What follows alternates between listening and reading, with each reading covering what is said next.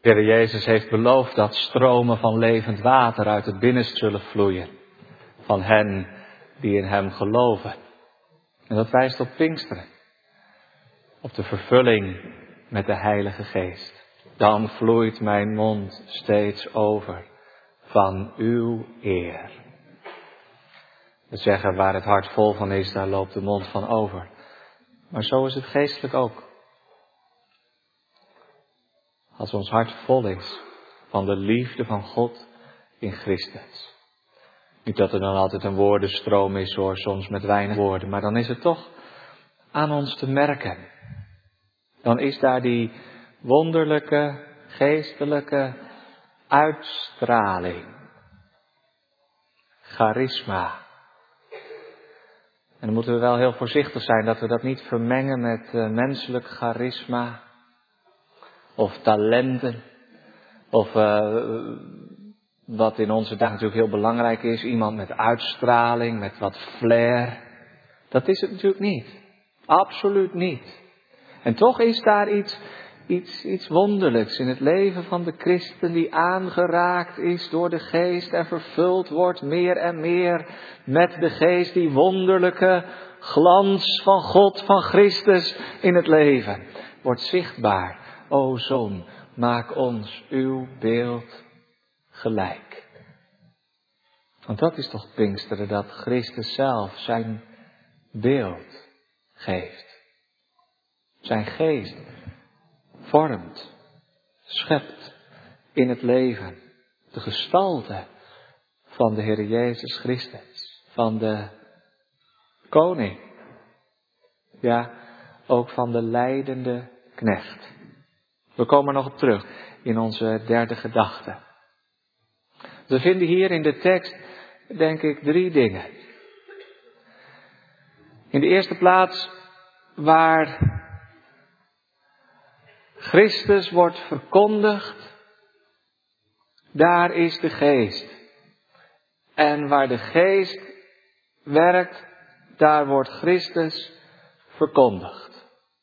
Ik zou het ook nog anders kunnen zeggen. Mijn, mijn eerste gedachte, dat is de identificatie van Christus en de Heilige Geest.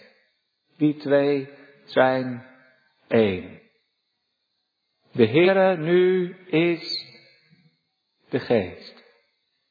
En waar de Geest des Heeren is, daar is vrijheid.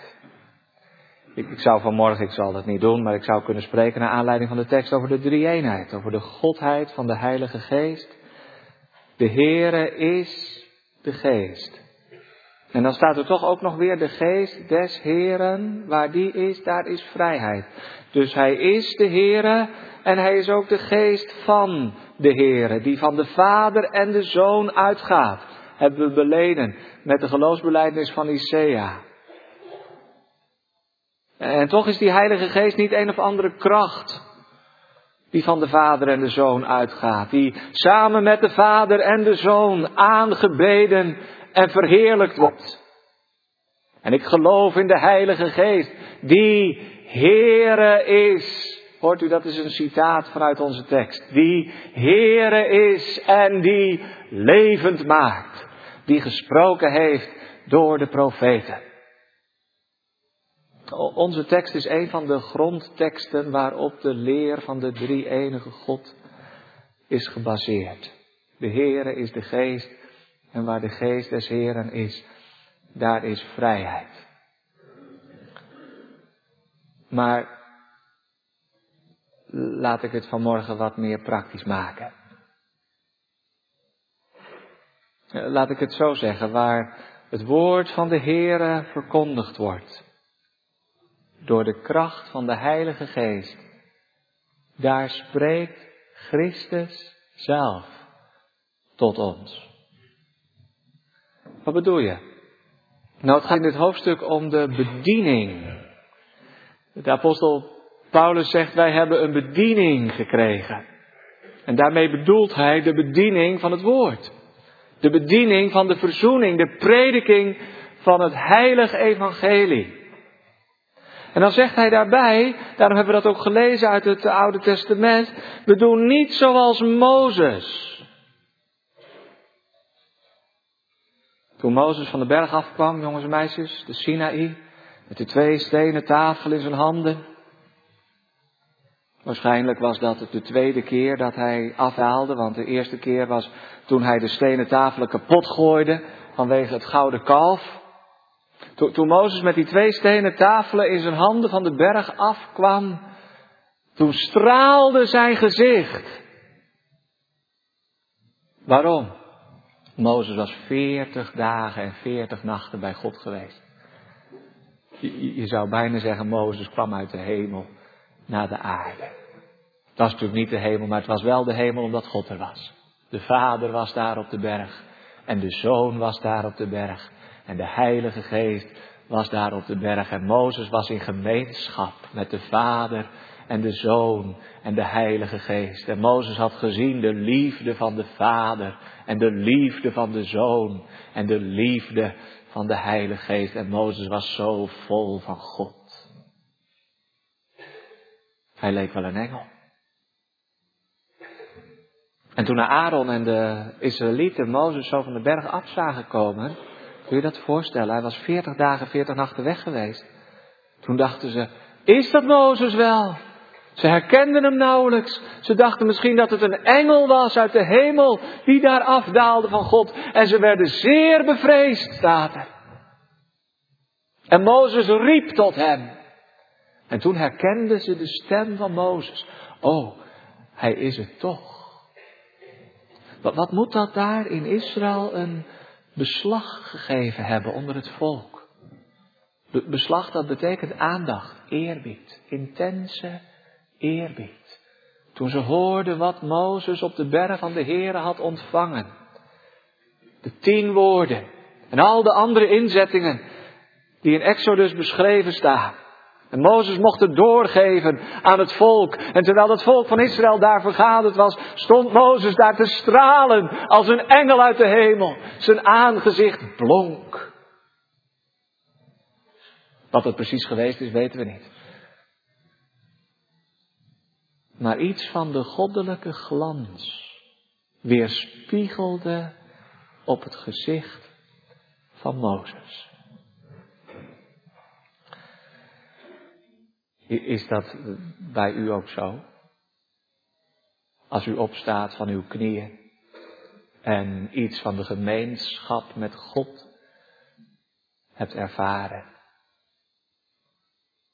Of hebt u dat nooit ervaren? Dat is ook arm. Ik zeg niet dat je dat altijd even sterk ervaart, als een soort emotie of gevoel, maar, maar toch dat je echt gebeden hebt. Dat de toegang geopend was door het werk van de Heer Jezus Christus. En dat je de nabijheid van de Heer daarin mocht verkeren. Als het ware even in je gedachten in de hemel. Zoek de dingen die boven zijn. Bedenk de dingen die boven zijn, waar Christus is, aan de rechterhand van God. Ja, dan bedoel ik niet dat, dat, je, dat je huid begint te glanzen. Dat zal wel iets bovennatuurlijks geweest zijn bij Mozes. Dat zal nu wel niet meer zo gebeuren, maar dat het toch aan je te merken is waar je geweest bent. De rest van de dag. De, het is toch de omgang met de Here. De gemeenschap met Hem die ons leven doortrekt en heiligt. En gisteren werd hier het heilig avondmaal bediend in het midden van de gemeente. Het is wel eens verschillend in de ervaring. Maar toch, als je nou de gemeenschap met God ervaren hebt, in het breken van het brood, in het drinken van de wijn, dan moet het toch aan ons te merken zijn bij wie wij geweest zijn, wie wij aan de tafel hebben ontmoet. Dan is daar toch een, een geestelijke uitstraling in de gebrokenheid van ons hart. In alle ootmoed. De Heere is zo goed. Dat kun je merken. Ze kon het aan Mozes merken bij wie hij was geweest. Maar die glans van Mozes gezicht, dat was eigenlijk, eigenlijk te scherp voor de kinderen van Israël. Ze konden daar niet zo goed naar kijken. Net zoals jullie jongens en meisjes niet kunnen kijken naar de zon. Krijg je zere ogen van. Moet je ook maar niet doen, dat is slecht voor je ogen. Maar zo blonk dat aangezicht van Mozes dat de mensen het niet konden verdragen als ze naar hem keken. En, en wat heeft Mozes toen gedaan? Hij heeft een sluier voor zijn aangezicht gedaan. Zo'n uh, burka. Zoals we dat wel kennen uit de islamitische landen. Ik zie trouwens ook wel eens jonge vrouwen in, in Leiden, op de universiteit, in de bibliotheek, helemaal gesluierd, zodat je alleen nog de, de ogen kunt zien. Dat is uh, dan om de, om de verleiding tegen te gaan. Nou, volgens mij helpt dat niks. Want die verleiding die zit in ons hart. En niet in het uiterlijk. Hoewel, kunnen wij daar misschien niet in die zin natuurlijk, maar een voorbeeld aannemen met onze kleding. Dat we wel gepast en eerbaar ons kleden, zeker in de zomertijd. Je kunt uh, beter als je naar het strand gaat tussen de moslims zitten dan tussen de Nederlanders. Meestal. Maar goed, daar gaat het nu niet om. Het gaat hier om Mozes, die zijn aangezicht bedekte met een sluier. En hij deed dat om die, die goddelijke glans, die uitstraling te verhullen, te verbergen, zodat de kinderen Israëls hem niet zouden kunnen zien. Uh, typisch hè, dat we dat beeld niet van Mozes hebben, maar zo staat het toch in de Bijbel. Dat, dat hij waarschijnlijk de rest van zijn leven gesluierd door Israël liep. Dat ze zijn aangezicht niet konden zien. Er was maar, maar één moment wanneer Mozes die sluier afdeed. Dat was als hij inging in de tabernakel, in de tempel. Voor het aangezicht van de Heere. Dan nam hij de sluier weg. Maar verder liep hij zo door het tentenkamp van Israël met een bedekt gezicht. En nou zegt de apostel Paulus, want daar gaat het me om met het oog op Pinksteren. Zo doen wij het niet, zegt hij. Niet zoals Mozes, die zijn aangezicht bedekte. Want dat hoorde bij de wet, bij de oude bedeling. Dat hoorde bij de letter, bij het volk van Israël toen. Zij konden de lichtglans van Gods tegenwoordigheid niet verdragen. Ze konden daar niet tegen. Ze konden dat niet aan. Maar waar de geest des Heren is, zegt hij, daar is nu vrijheid. En dan betekent het niet vrijheid van zonde, van de slavernij van de zonde. Natuurlijk kun je die toepassing maken. Dat betekent ook niet de vrijheid van een christen om, om te leven in, in, in vrijheid, in christelijke vrijheid. Natuurlijk ook, ook die toepassing zou je kunnen maken. Maar het gaat hier in de eerste plaats om de vrijmoedigheid om te spreken. Lees maar mee in vers 12. Terwijl wij zo'n hoop hebben, gebruiken wij veel vrijmoedigheid in het spreken. Het is alsof de apostel Paulus wil zeggen, wij hebben niets te verbergen, zoals Mozes die zijn aangezicht verborg. Wij prediken vrij uit Jezus Christus en die gekruisigd. Het ging dit hoofdstuk om zijn bediening, om de bediening van het evangelie, om de bediening der verzoening, om de prediking van de Heer Jezus Christus. En dan zegt, zegt Paulus, we hebben niets te verbergen. Maar wij wij schilderen u als voor de ogen, de Heer Jezus Christus, in al zijn heerlijkheid. En dan gaat het er niet in de eerste plaats om dat Paulus' gezicht niet bedekt was.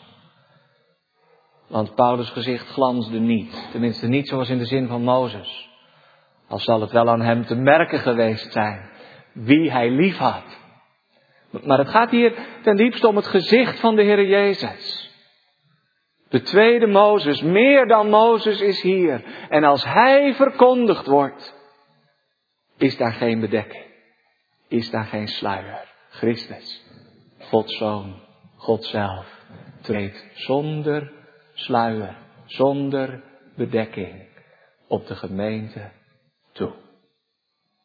daar heb je dus die identificatie van de Heere en de Geest.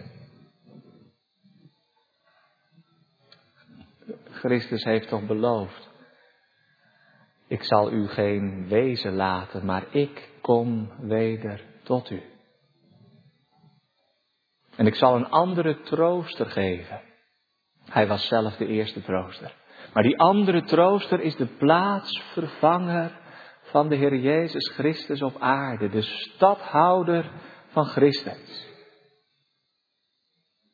Hij neemt de plaats van de Heer Jezus in. Hij zal het uit het mijne nemen, zegt de Heer Jezus, en hij zal het u verkondigen.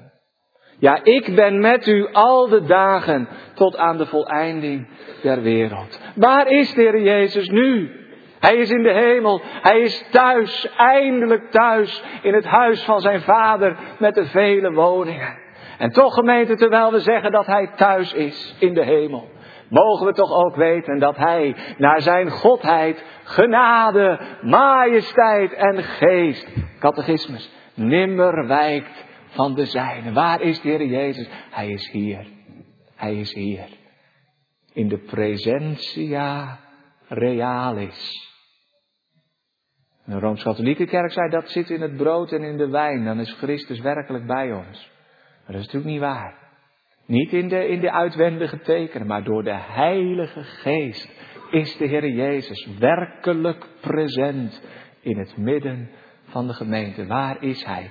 Hij is hier, waar twee of drie in Zijn naam vergaderd zijn. Daar is Hij zelf in het midden van hen. En we doen niet zoals Mozes, die iets te verbergen hield. Maar met een onbedekt aangezicht stellen wij voor Jezus Christus en die gekruisigd. En als dus Christus verkondigd wordt, als het woord van God verkondigd wordt, dan is het Christus zelf die tot ons spreekt.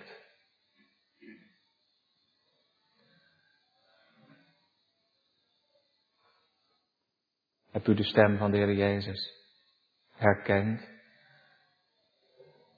in het woord van God?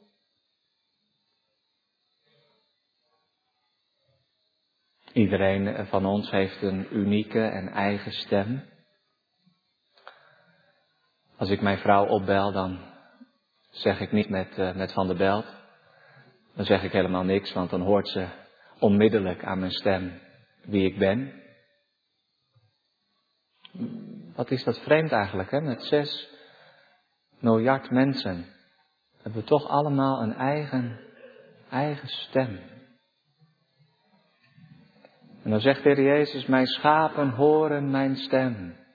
En die ze gehoord hebben, die volgen mij. Heb jij, heeft u in de prediking van het evangelie de stem van de Jezus Christus gehoord? Dat dat woord weerklank vindt in je hart. Dat de Heer je door dat woord naar zich toetrekt. Hij is het zelf die spreekt. Dan valt een dominee weg. Dan vallen gaven weg. Dan is er maar één ding meer overgebleven. De Heer Jezus Christus zelf. En Paulus komt daar later op terug. In die bekende woorden. Als hij zegt. Wij bidden u van Christus wegen. Alsof God door ons bade. Laat u met God verzoenen. Dan in het bijzonder. Als de, als de prediking de bediening der verzoening is. Als de roep uitgaat tot zondaren om te komen tot de wateren des levens om niet. Als de Heer je aanspreekt en zegt geef mij je hart. Als de zonden worden voorgesteld in al hun gruwelijkheid. Ontdekkend. Is het werk van de Heilige Geest. Die spreekt door de wet. Die spreekt door het woord. Om alles af te breken wat van ons is. Zodat we niets meer overhouden dan lege handen. Enkel schuld aan onze kant. En als je dan maar horen de stem van hem die je roept. Maar nee, daar is vergeving. Altijd bij u geweest. Het bloed van Jezus Christus, zijn Zoon, reinigt ons van alle zonden. Zie, zie het lam van God dat de zonde der wereld wegneemt. Als de Heer Jezus wordt voorgesteld als de leidende knecht, die in de hof van Gethsemane gekropen heeft, geworsteld in het stof. Als hij getekend wordt zoals hij zijn handen heeft uitgebreid aan het kruis van Golgotha.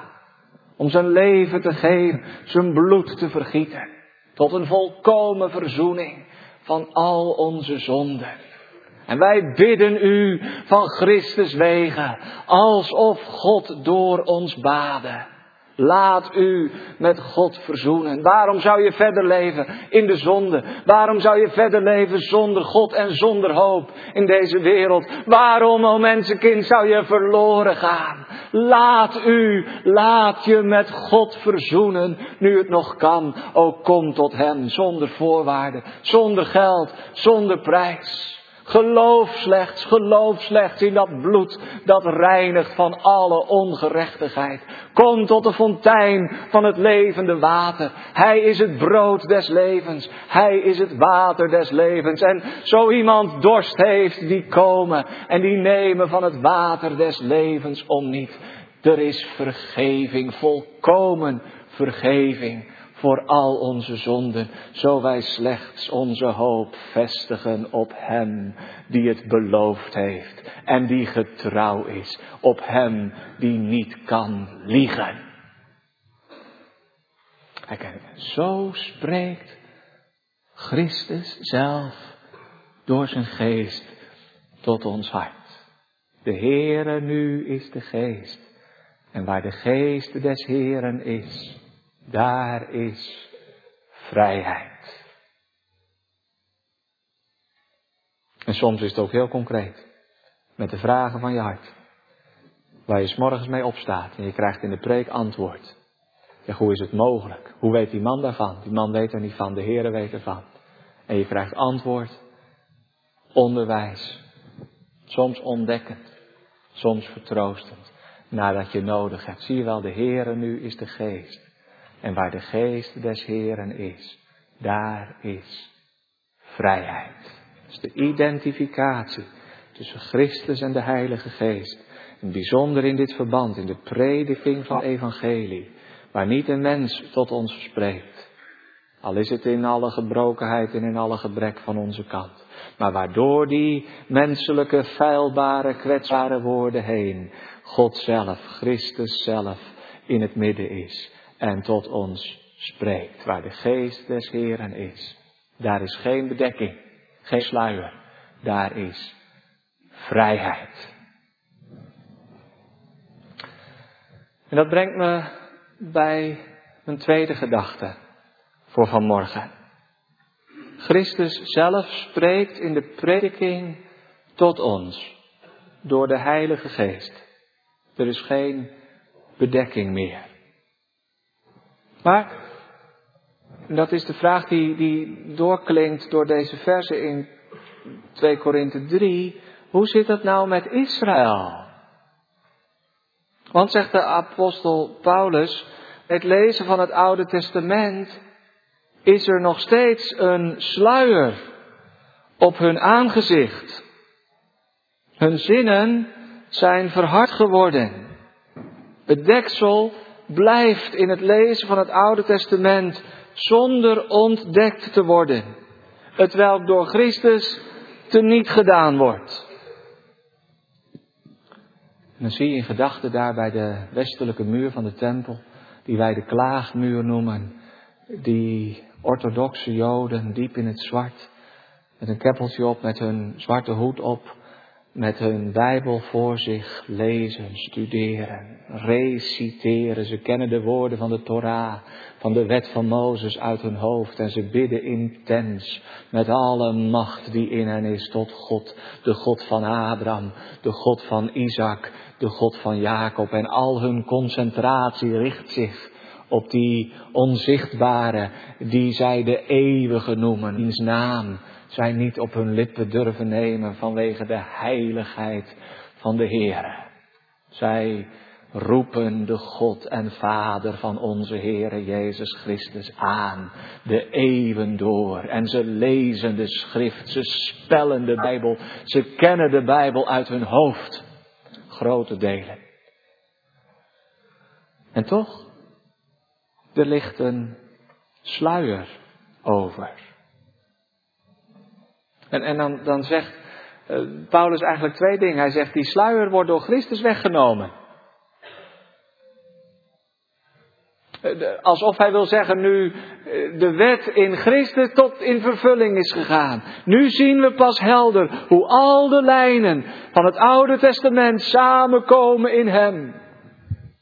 De leidende knecht des Heren, die tegelijk ook de koning der koningen is. Op elke bladzij van het Oude Testament zien wij was Christum traibet, zoals Luther het zei.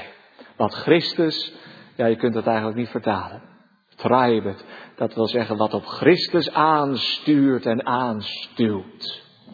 Hij is de vervulling van het Oude Testament. En nu, nu is de sluier van Mozes, dus van de wet van Mozes, weggenomen. Maar, zegt hij, bij het lezen van dat Oude Testament ligt deksel, die sluier, nog op hun hart. Hm? Enerzijds is het door Christus er niet gedaan. Maar anderzijds ligt die bedekking nog op Israël. In het lezen van het Oude Testament. Tot op de huidige dag toe, wanneer Mozes gelezen wordt, vers 15, ligt er een sluier op hun hart. Eerst maar even de toepassing. Dat kan dus, hè? Het kan ook in de gemeente zo zijn dat er mensen zijn die lezen in de Bijbel. Trouw. Kerkelijk meelevend zijn. Nooit een dienst zouden overslaan. De Bijbel lezen aan tafel van Genesis 1 tot met Openbaring 22. Godsdienstig. En toch er ligt een sluier op hun hart. Dat is erg. Dat je nooit de levende Christus hebt ontmoet. In de bladzijde van het woord. Nooit zijn heerlijkheid gezien. Wel godsdienstig, maar zonder God. Geen levend geloof. Geen vernieuwing van het hart. Dood in de zonde en de misdaden wel godsdienstig, maar toch zo nameloos arm. Bid de Heer om verlichting. De verlichting van de Heilige Geest. Die gesproken heeft door de profeten. Want het is alleen door de Heilige Geest dat we de taal van de schriften kunnen verstaan. Dat het woord openbreekt en ons hart openbreekt. En dan zien we wie God is. Dan, dan gaan je ogen open voor de realiteit, voor wie je zelf bent, voor wie God is, voor wie Christus is. Dan komt dat woord dat een letter is, een dodende letter. Dan komt dat woord tot leven, omdat het ons levend maakt. En het eerste wat je dan ziet, dat is hoe bent je bent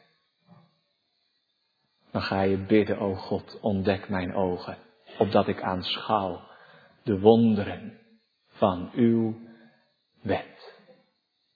Als je ziende begint te worden, ga je bidden om verlichting door de Heilige Geest. Wat is dat deksel dan precies? Dat is ongeloof. Eh, het is niet zo dat Israël daar niks aan doen. Ze zien het nou eenmaal niet. Ja, als je het niet ziet, dan zie je het niet. Dan moet God eraan te pas komen. Eh, ja, nee, dat is te gemakkelijk. Dat, dat deksel, die sluier, dat is ongeloof waarmee Israël de Messias verwerpt. Een verharding van hun hart. Hij is daar wel en hij spreekt tot hen. Maar zij willen hem niet herkennen en erkennen als hun Heere en Koning. Maar staat er dan, wanneer het tot de Heere bekeerd zal zijn, wordt het deksel weggenomen. Wat bedoelt de apostel mee? Het, is een letterlijk citaat. Uit uh, Exodus 34, vers 34. Wanneer hij tot de Heere inging, staat daar. Je zou ook kunnen lezen wanneer hij zich tot de Heere keerde. Wanneer Mozes zich tot de Heere wendde, haalde hij de sluier van zijn aangezicht weg. Want als hij met God sprak, had Mozes die sluier niet meer nodig. Hij sprak met hem aangezicht tot aangezicht, zoals een man met zijn vriend spreekt. En zo zegt Paulus zal eenmaal Israël ook ingaan Waarin? In de tempel, in de tabernakel? Nee, ze zullen ingaan in vreugde des Heren. Wanneer het tot de Heere bekeerd zal zijn. Dat is de Heere Jezus Christus. Wanneer Israël tot het inzicht zal komen dat Christus toch de Messias van Israël en de zaligmaker der wereld is. Wanneer de schellen van hun ogen zullen vallen, wanneer ze tot de Heere en tot zijn koninkrijk zullen worden ingeleid, dan wordt de sluier weggenomen. Het gaat hier om de hoop op de bekering van Israël. En dan zal gans Israël zalig worden. Welke dag zal dat zijn? Wie zal leven als God dat doen zal? De sluier wegnemen, zodat die orthodoxe Joden. En misschien ook wel de liberale Joden, dat het zijn kinderen van Abraham, Isaac en Jacob. Zullen zien dat in de schriften die ze jaar in jaar uit hebben bestudeerd en uit hun hoofd geleerd, Christus blinkt en schittert. Dan wordt het deksel weggenomen. De Heere nu is de geest. En waar de geest des Heren is, daar is vrijheid. Met andere woorden, daar komt geen mens aan te pas. Aan de bekering van Israël. Het is en blijft onze roeping om te getuigen in het gesprek met Israël van de Messias Jezus. Wij mogen ons niet schamen voor Hem, al hebben we soms reden om ons te schamen voor de kerkgeschiedenis. Die ene naam die onder de hemel gegeven is, moet ook in gesprek met Israël verkondigd worden. Maar dat zal niet leiden tot de bekering van het volk. Dat is Gods eigen werk. De vader zal zelf de oudste zoon binnenbrengen. Op zijn tijd en op zijn wijze. Als hij de sluier wegneemt van hun hart. En als hij hen invoert in het binnenste heiligdom. Als het tot de Heere bekeerd zal zijn. Dan wordt het deksel weggenomen. De Heere nu is de geest. En waar de geest des Heeren is, daar is vrijheid. Christus zelf spreekt tot ons in de prediking. Christus zelf zal zich over Israël ontfermen en zichzelf aan Israël openbaren op zijn tijd, op zijn wijze, door zijn geest. dan is er nog één gedachte. Christus zelf schept door zijn geest zijn eigen beeld in het hart en leven van de christen. En wij allen, zegt hij dan in vers 18, met een ongedekt aangezicht, de heerlijkheid des Heren als in een spiegel aanschouwende, worden naar hetzelfde beeld veranderd in gedaante, van heerlijkheid tot heerlijkheid, als van des Heren geest. Eigenlijk is deze tekst op zichzelf het waard om te analyseren en te overdenken. Ik heb daar nu de tijd niet meer voor. Laat ik de kern eruit lichten. Wij worden veranderd, staat er. Metamorfose. Zoals een rups verandert in een kokon, in een pop. En zoals uit die pop een vlinder zich ontpopt. Metamorfose, gedaante, verwisseling.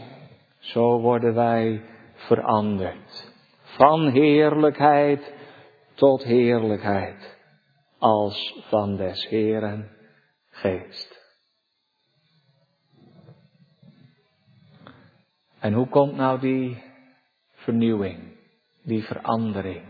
Je zou ook kunnen zeggen die heiliging van het leven in de christen tot stand. Wat is het geheim van de levensheiliging? Van de vernieuwing, van de wedergeboorte, van de bekering. Hoe gaat dat? Hoe werkt dat? Word je dan steeds beter?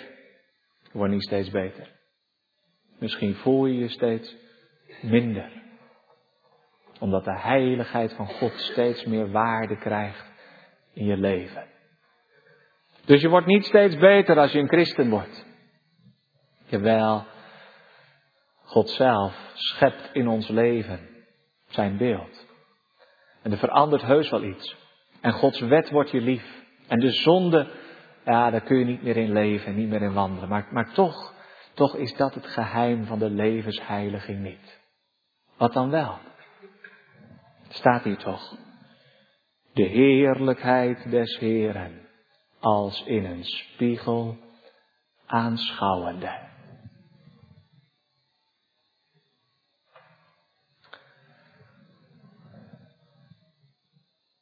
Hoe meer een christen van Christus ziet, van de heerlijkheid des Heren, des te meer weerspiegelt die heerlijkheid van Christus in het leven van de christen. Laat ik het nog anders zeggen, nog simpeler. Als je dicht bij de Heer Jezus leeft, ga je op Hem lijken. Dat kan niet anders. Als je veel met Hem verkeert, met een onbedekt aangezicht de heerlijkheid des Heeren als in een spiegel aanschouwende, dan word je ook zelf veranderd. De navolging van de Heer Jezus Christus. Van heerlijkheid tot heerlijkheid.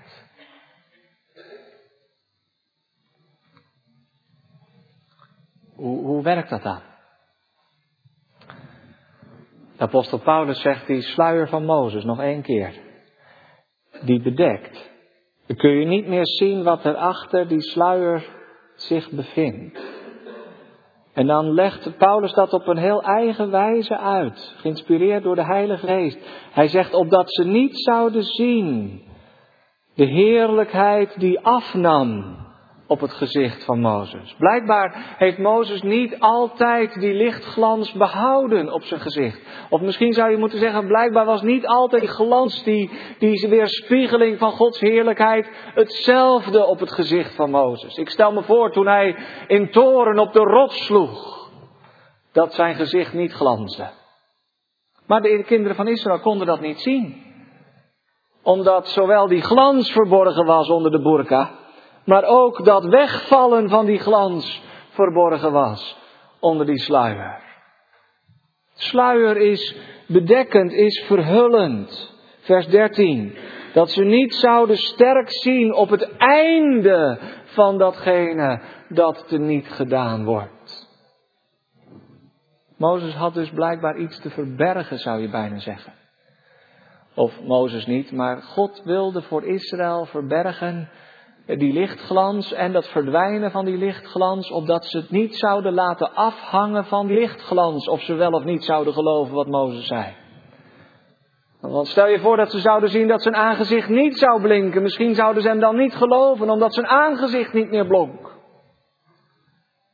Dat ze niet te sterk zouden zien op datgene wat er niet gedaan werd, wat voorbij ging.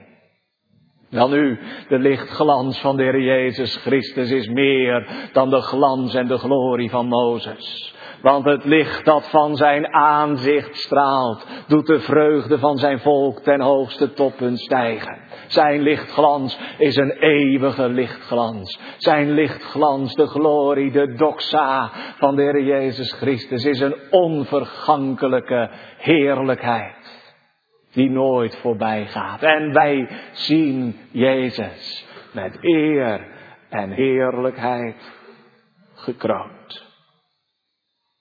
Maar dan wel als het lam Als het lam van God dat staat als geslacht van voor de grondlegging der wereld. Zijn heerlijkheid heeft zich nog niet geopenbaard in deze wereld. Als we kijken in de wereld om ons heen, dan zien we niet dat hem alle dingen onderworpen zijn. Integendeel, we zien veel ellende, oorlog, verdriet, zonde, de macht van de duisternis, de duivel die rondgaat als een briesende leeuw, zoekende wie hij zou mogen verslinden. We zien het niet. We zien het niet. Met onze ogen zien we niet dat Jezus koning is. En daarom is Israël nog steeds in ongeloof verhard. Omdat ze zijn heerlijkheid niet zien zoals ze die heerlijkheid verwachten. Als een aardse heerlijkheid, als een zichtbare, als een tastbare heerlijkheid. En dat willen ze zien zoals ze dat wilden zien op het aangezicht van Mozes. En zo is het niet, zegt de apostel. Maar die heerlijkheid van Christus, die zien we juist daar waar we het lam zien. Het lam van God. Wij zien Jezus met eer en heerlijkheid gekroond. Dezelfde die zich even tevoren op ons wil heeft overgegeven.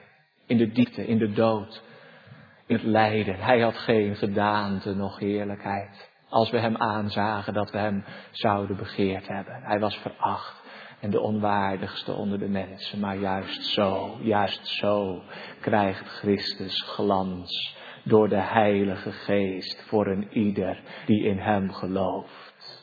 In zijn vernedering, in zijn lijden en sterven als borg en zaligmaker begint Christus meer en meer te glanzen van heerlijkheid tot heerlijkheid als van des Heeren geest. Het is niet de aardse glorie, maar het is de hemelse glorie die zich juist in de diepte openbaart.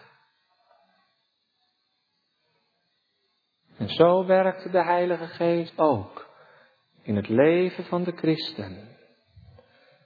Zo iemand achter hem wil komen, die nemen zijn kruis op en volgen Hem.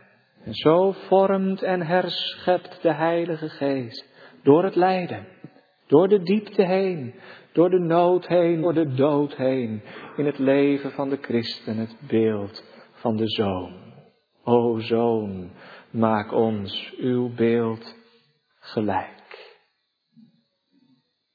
In alles verdrukt, doch niet verlaten, twijfelmoedig, doch niet mismoedig. We hebben deze schat in aarde vaten. 2 Korinthe 4. In de afbraak van, van, van ons leven. In het sterven aan onszelf. Als de doodsteek gegeven wordt aan ons eigen ik. Daar, juist openbaart zich het beeld van de Heer Jezus Christus. De Heere nu is de Geest. En waar de geest des Heren werkt in een verbroken en verslagen hart, daar woont ook Christus zelf. En daar wordt zijn beeld gezien. En wij worden veranderd van heerlijkheid tot heerlijkheid, als van des Heren geest.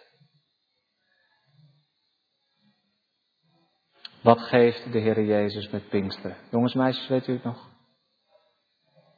Wat gaf koningin Beatrix toen zij de troon besteeg? Ze gaf zichzelf. Ze gaf een beeld van zichzelf. En zo doet koning Jezus ook met Pinksteren. En nog. Hij schept en herschept zijn eigen beeld in het leven van de zijne. En waar de geest des Heren is, daar is vrijheid. Amen. We gaan samen zingen van dat beeld van de Heer Jezus Christus. Van Psalm 17, de versen 3 en 8. Psalm 17, vers 3 en 8.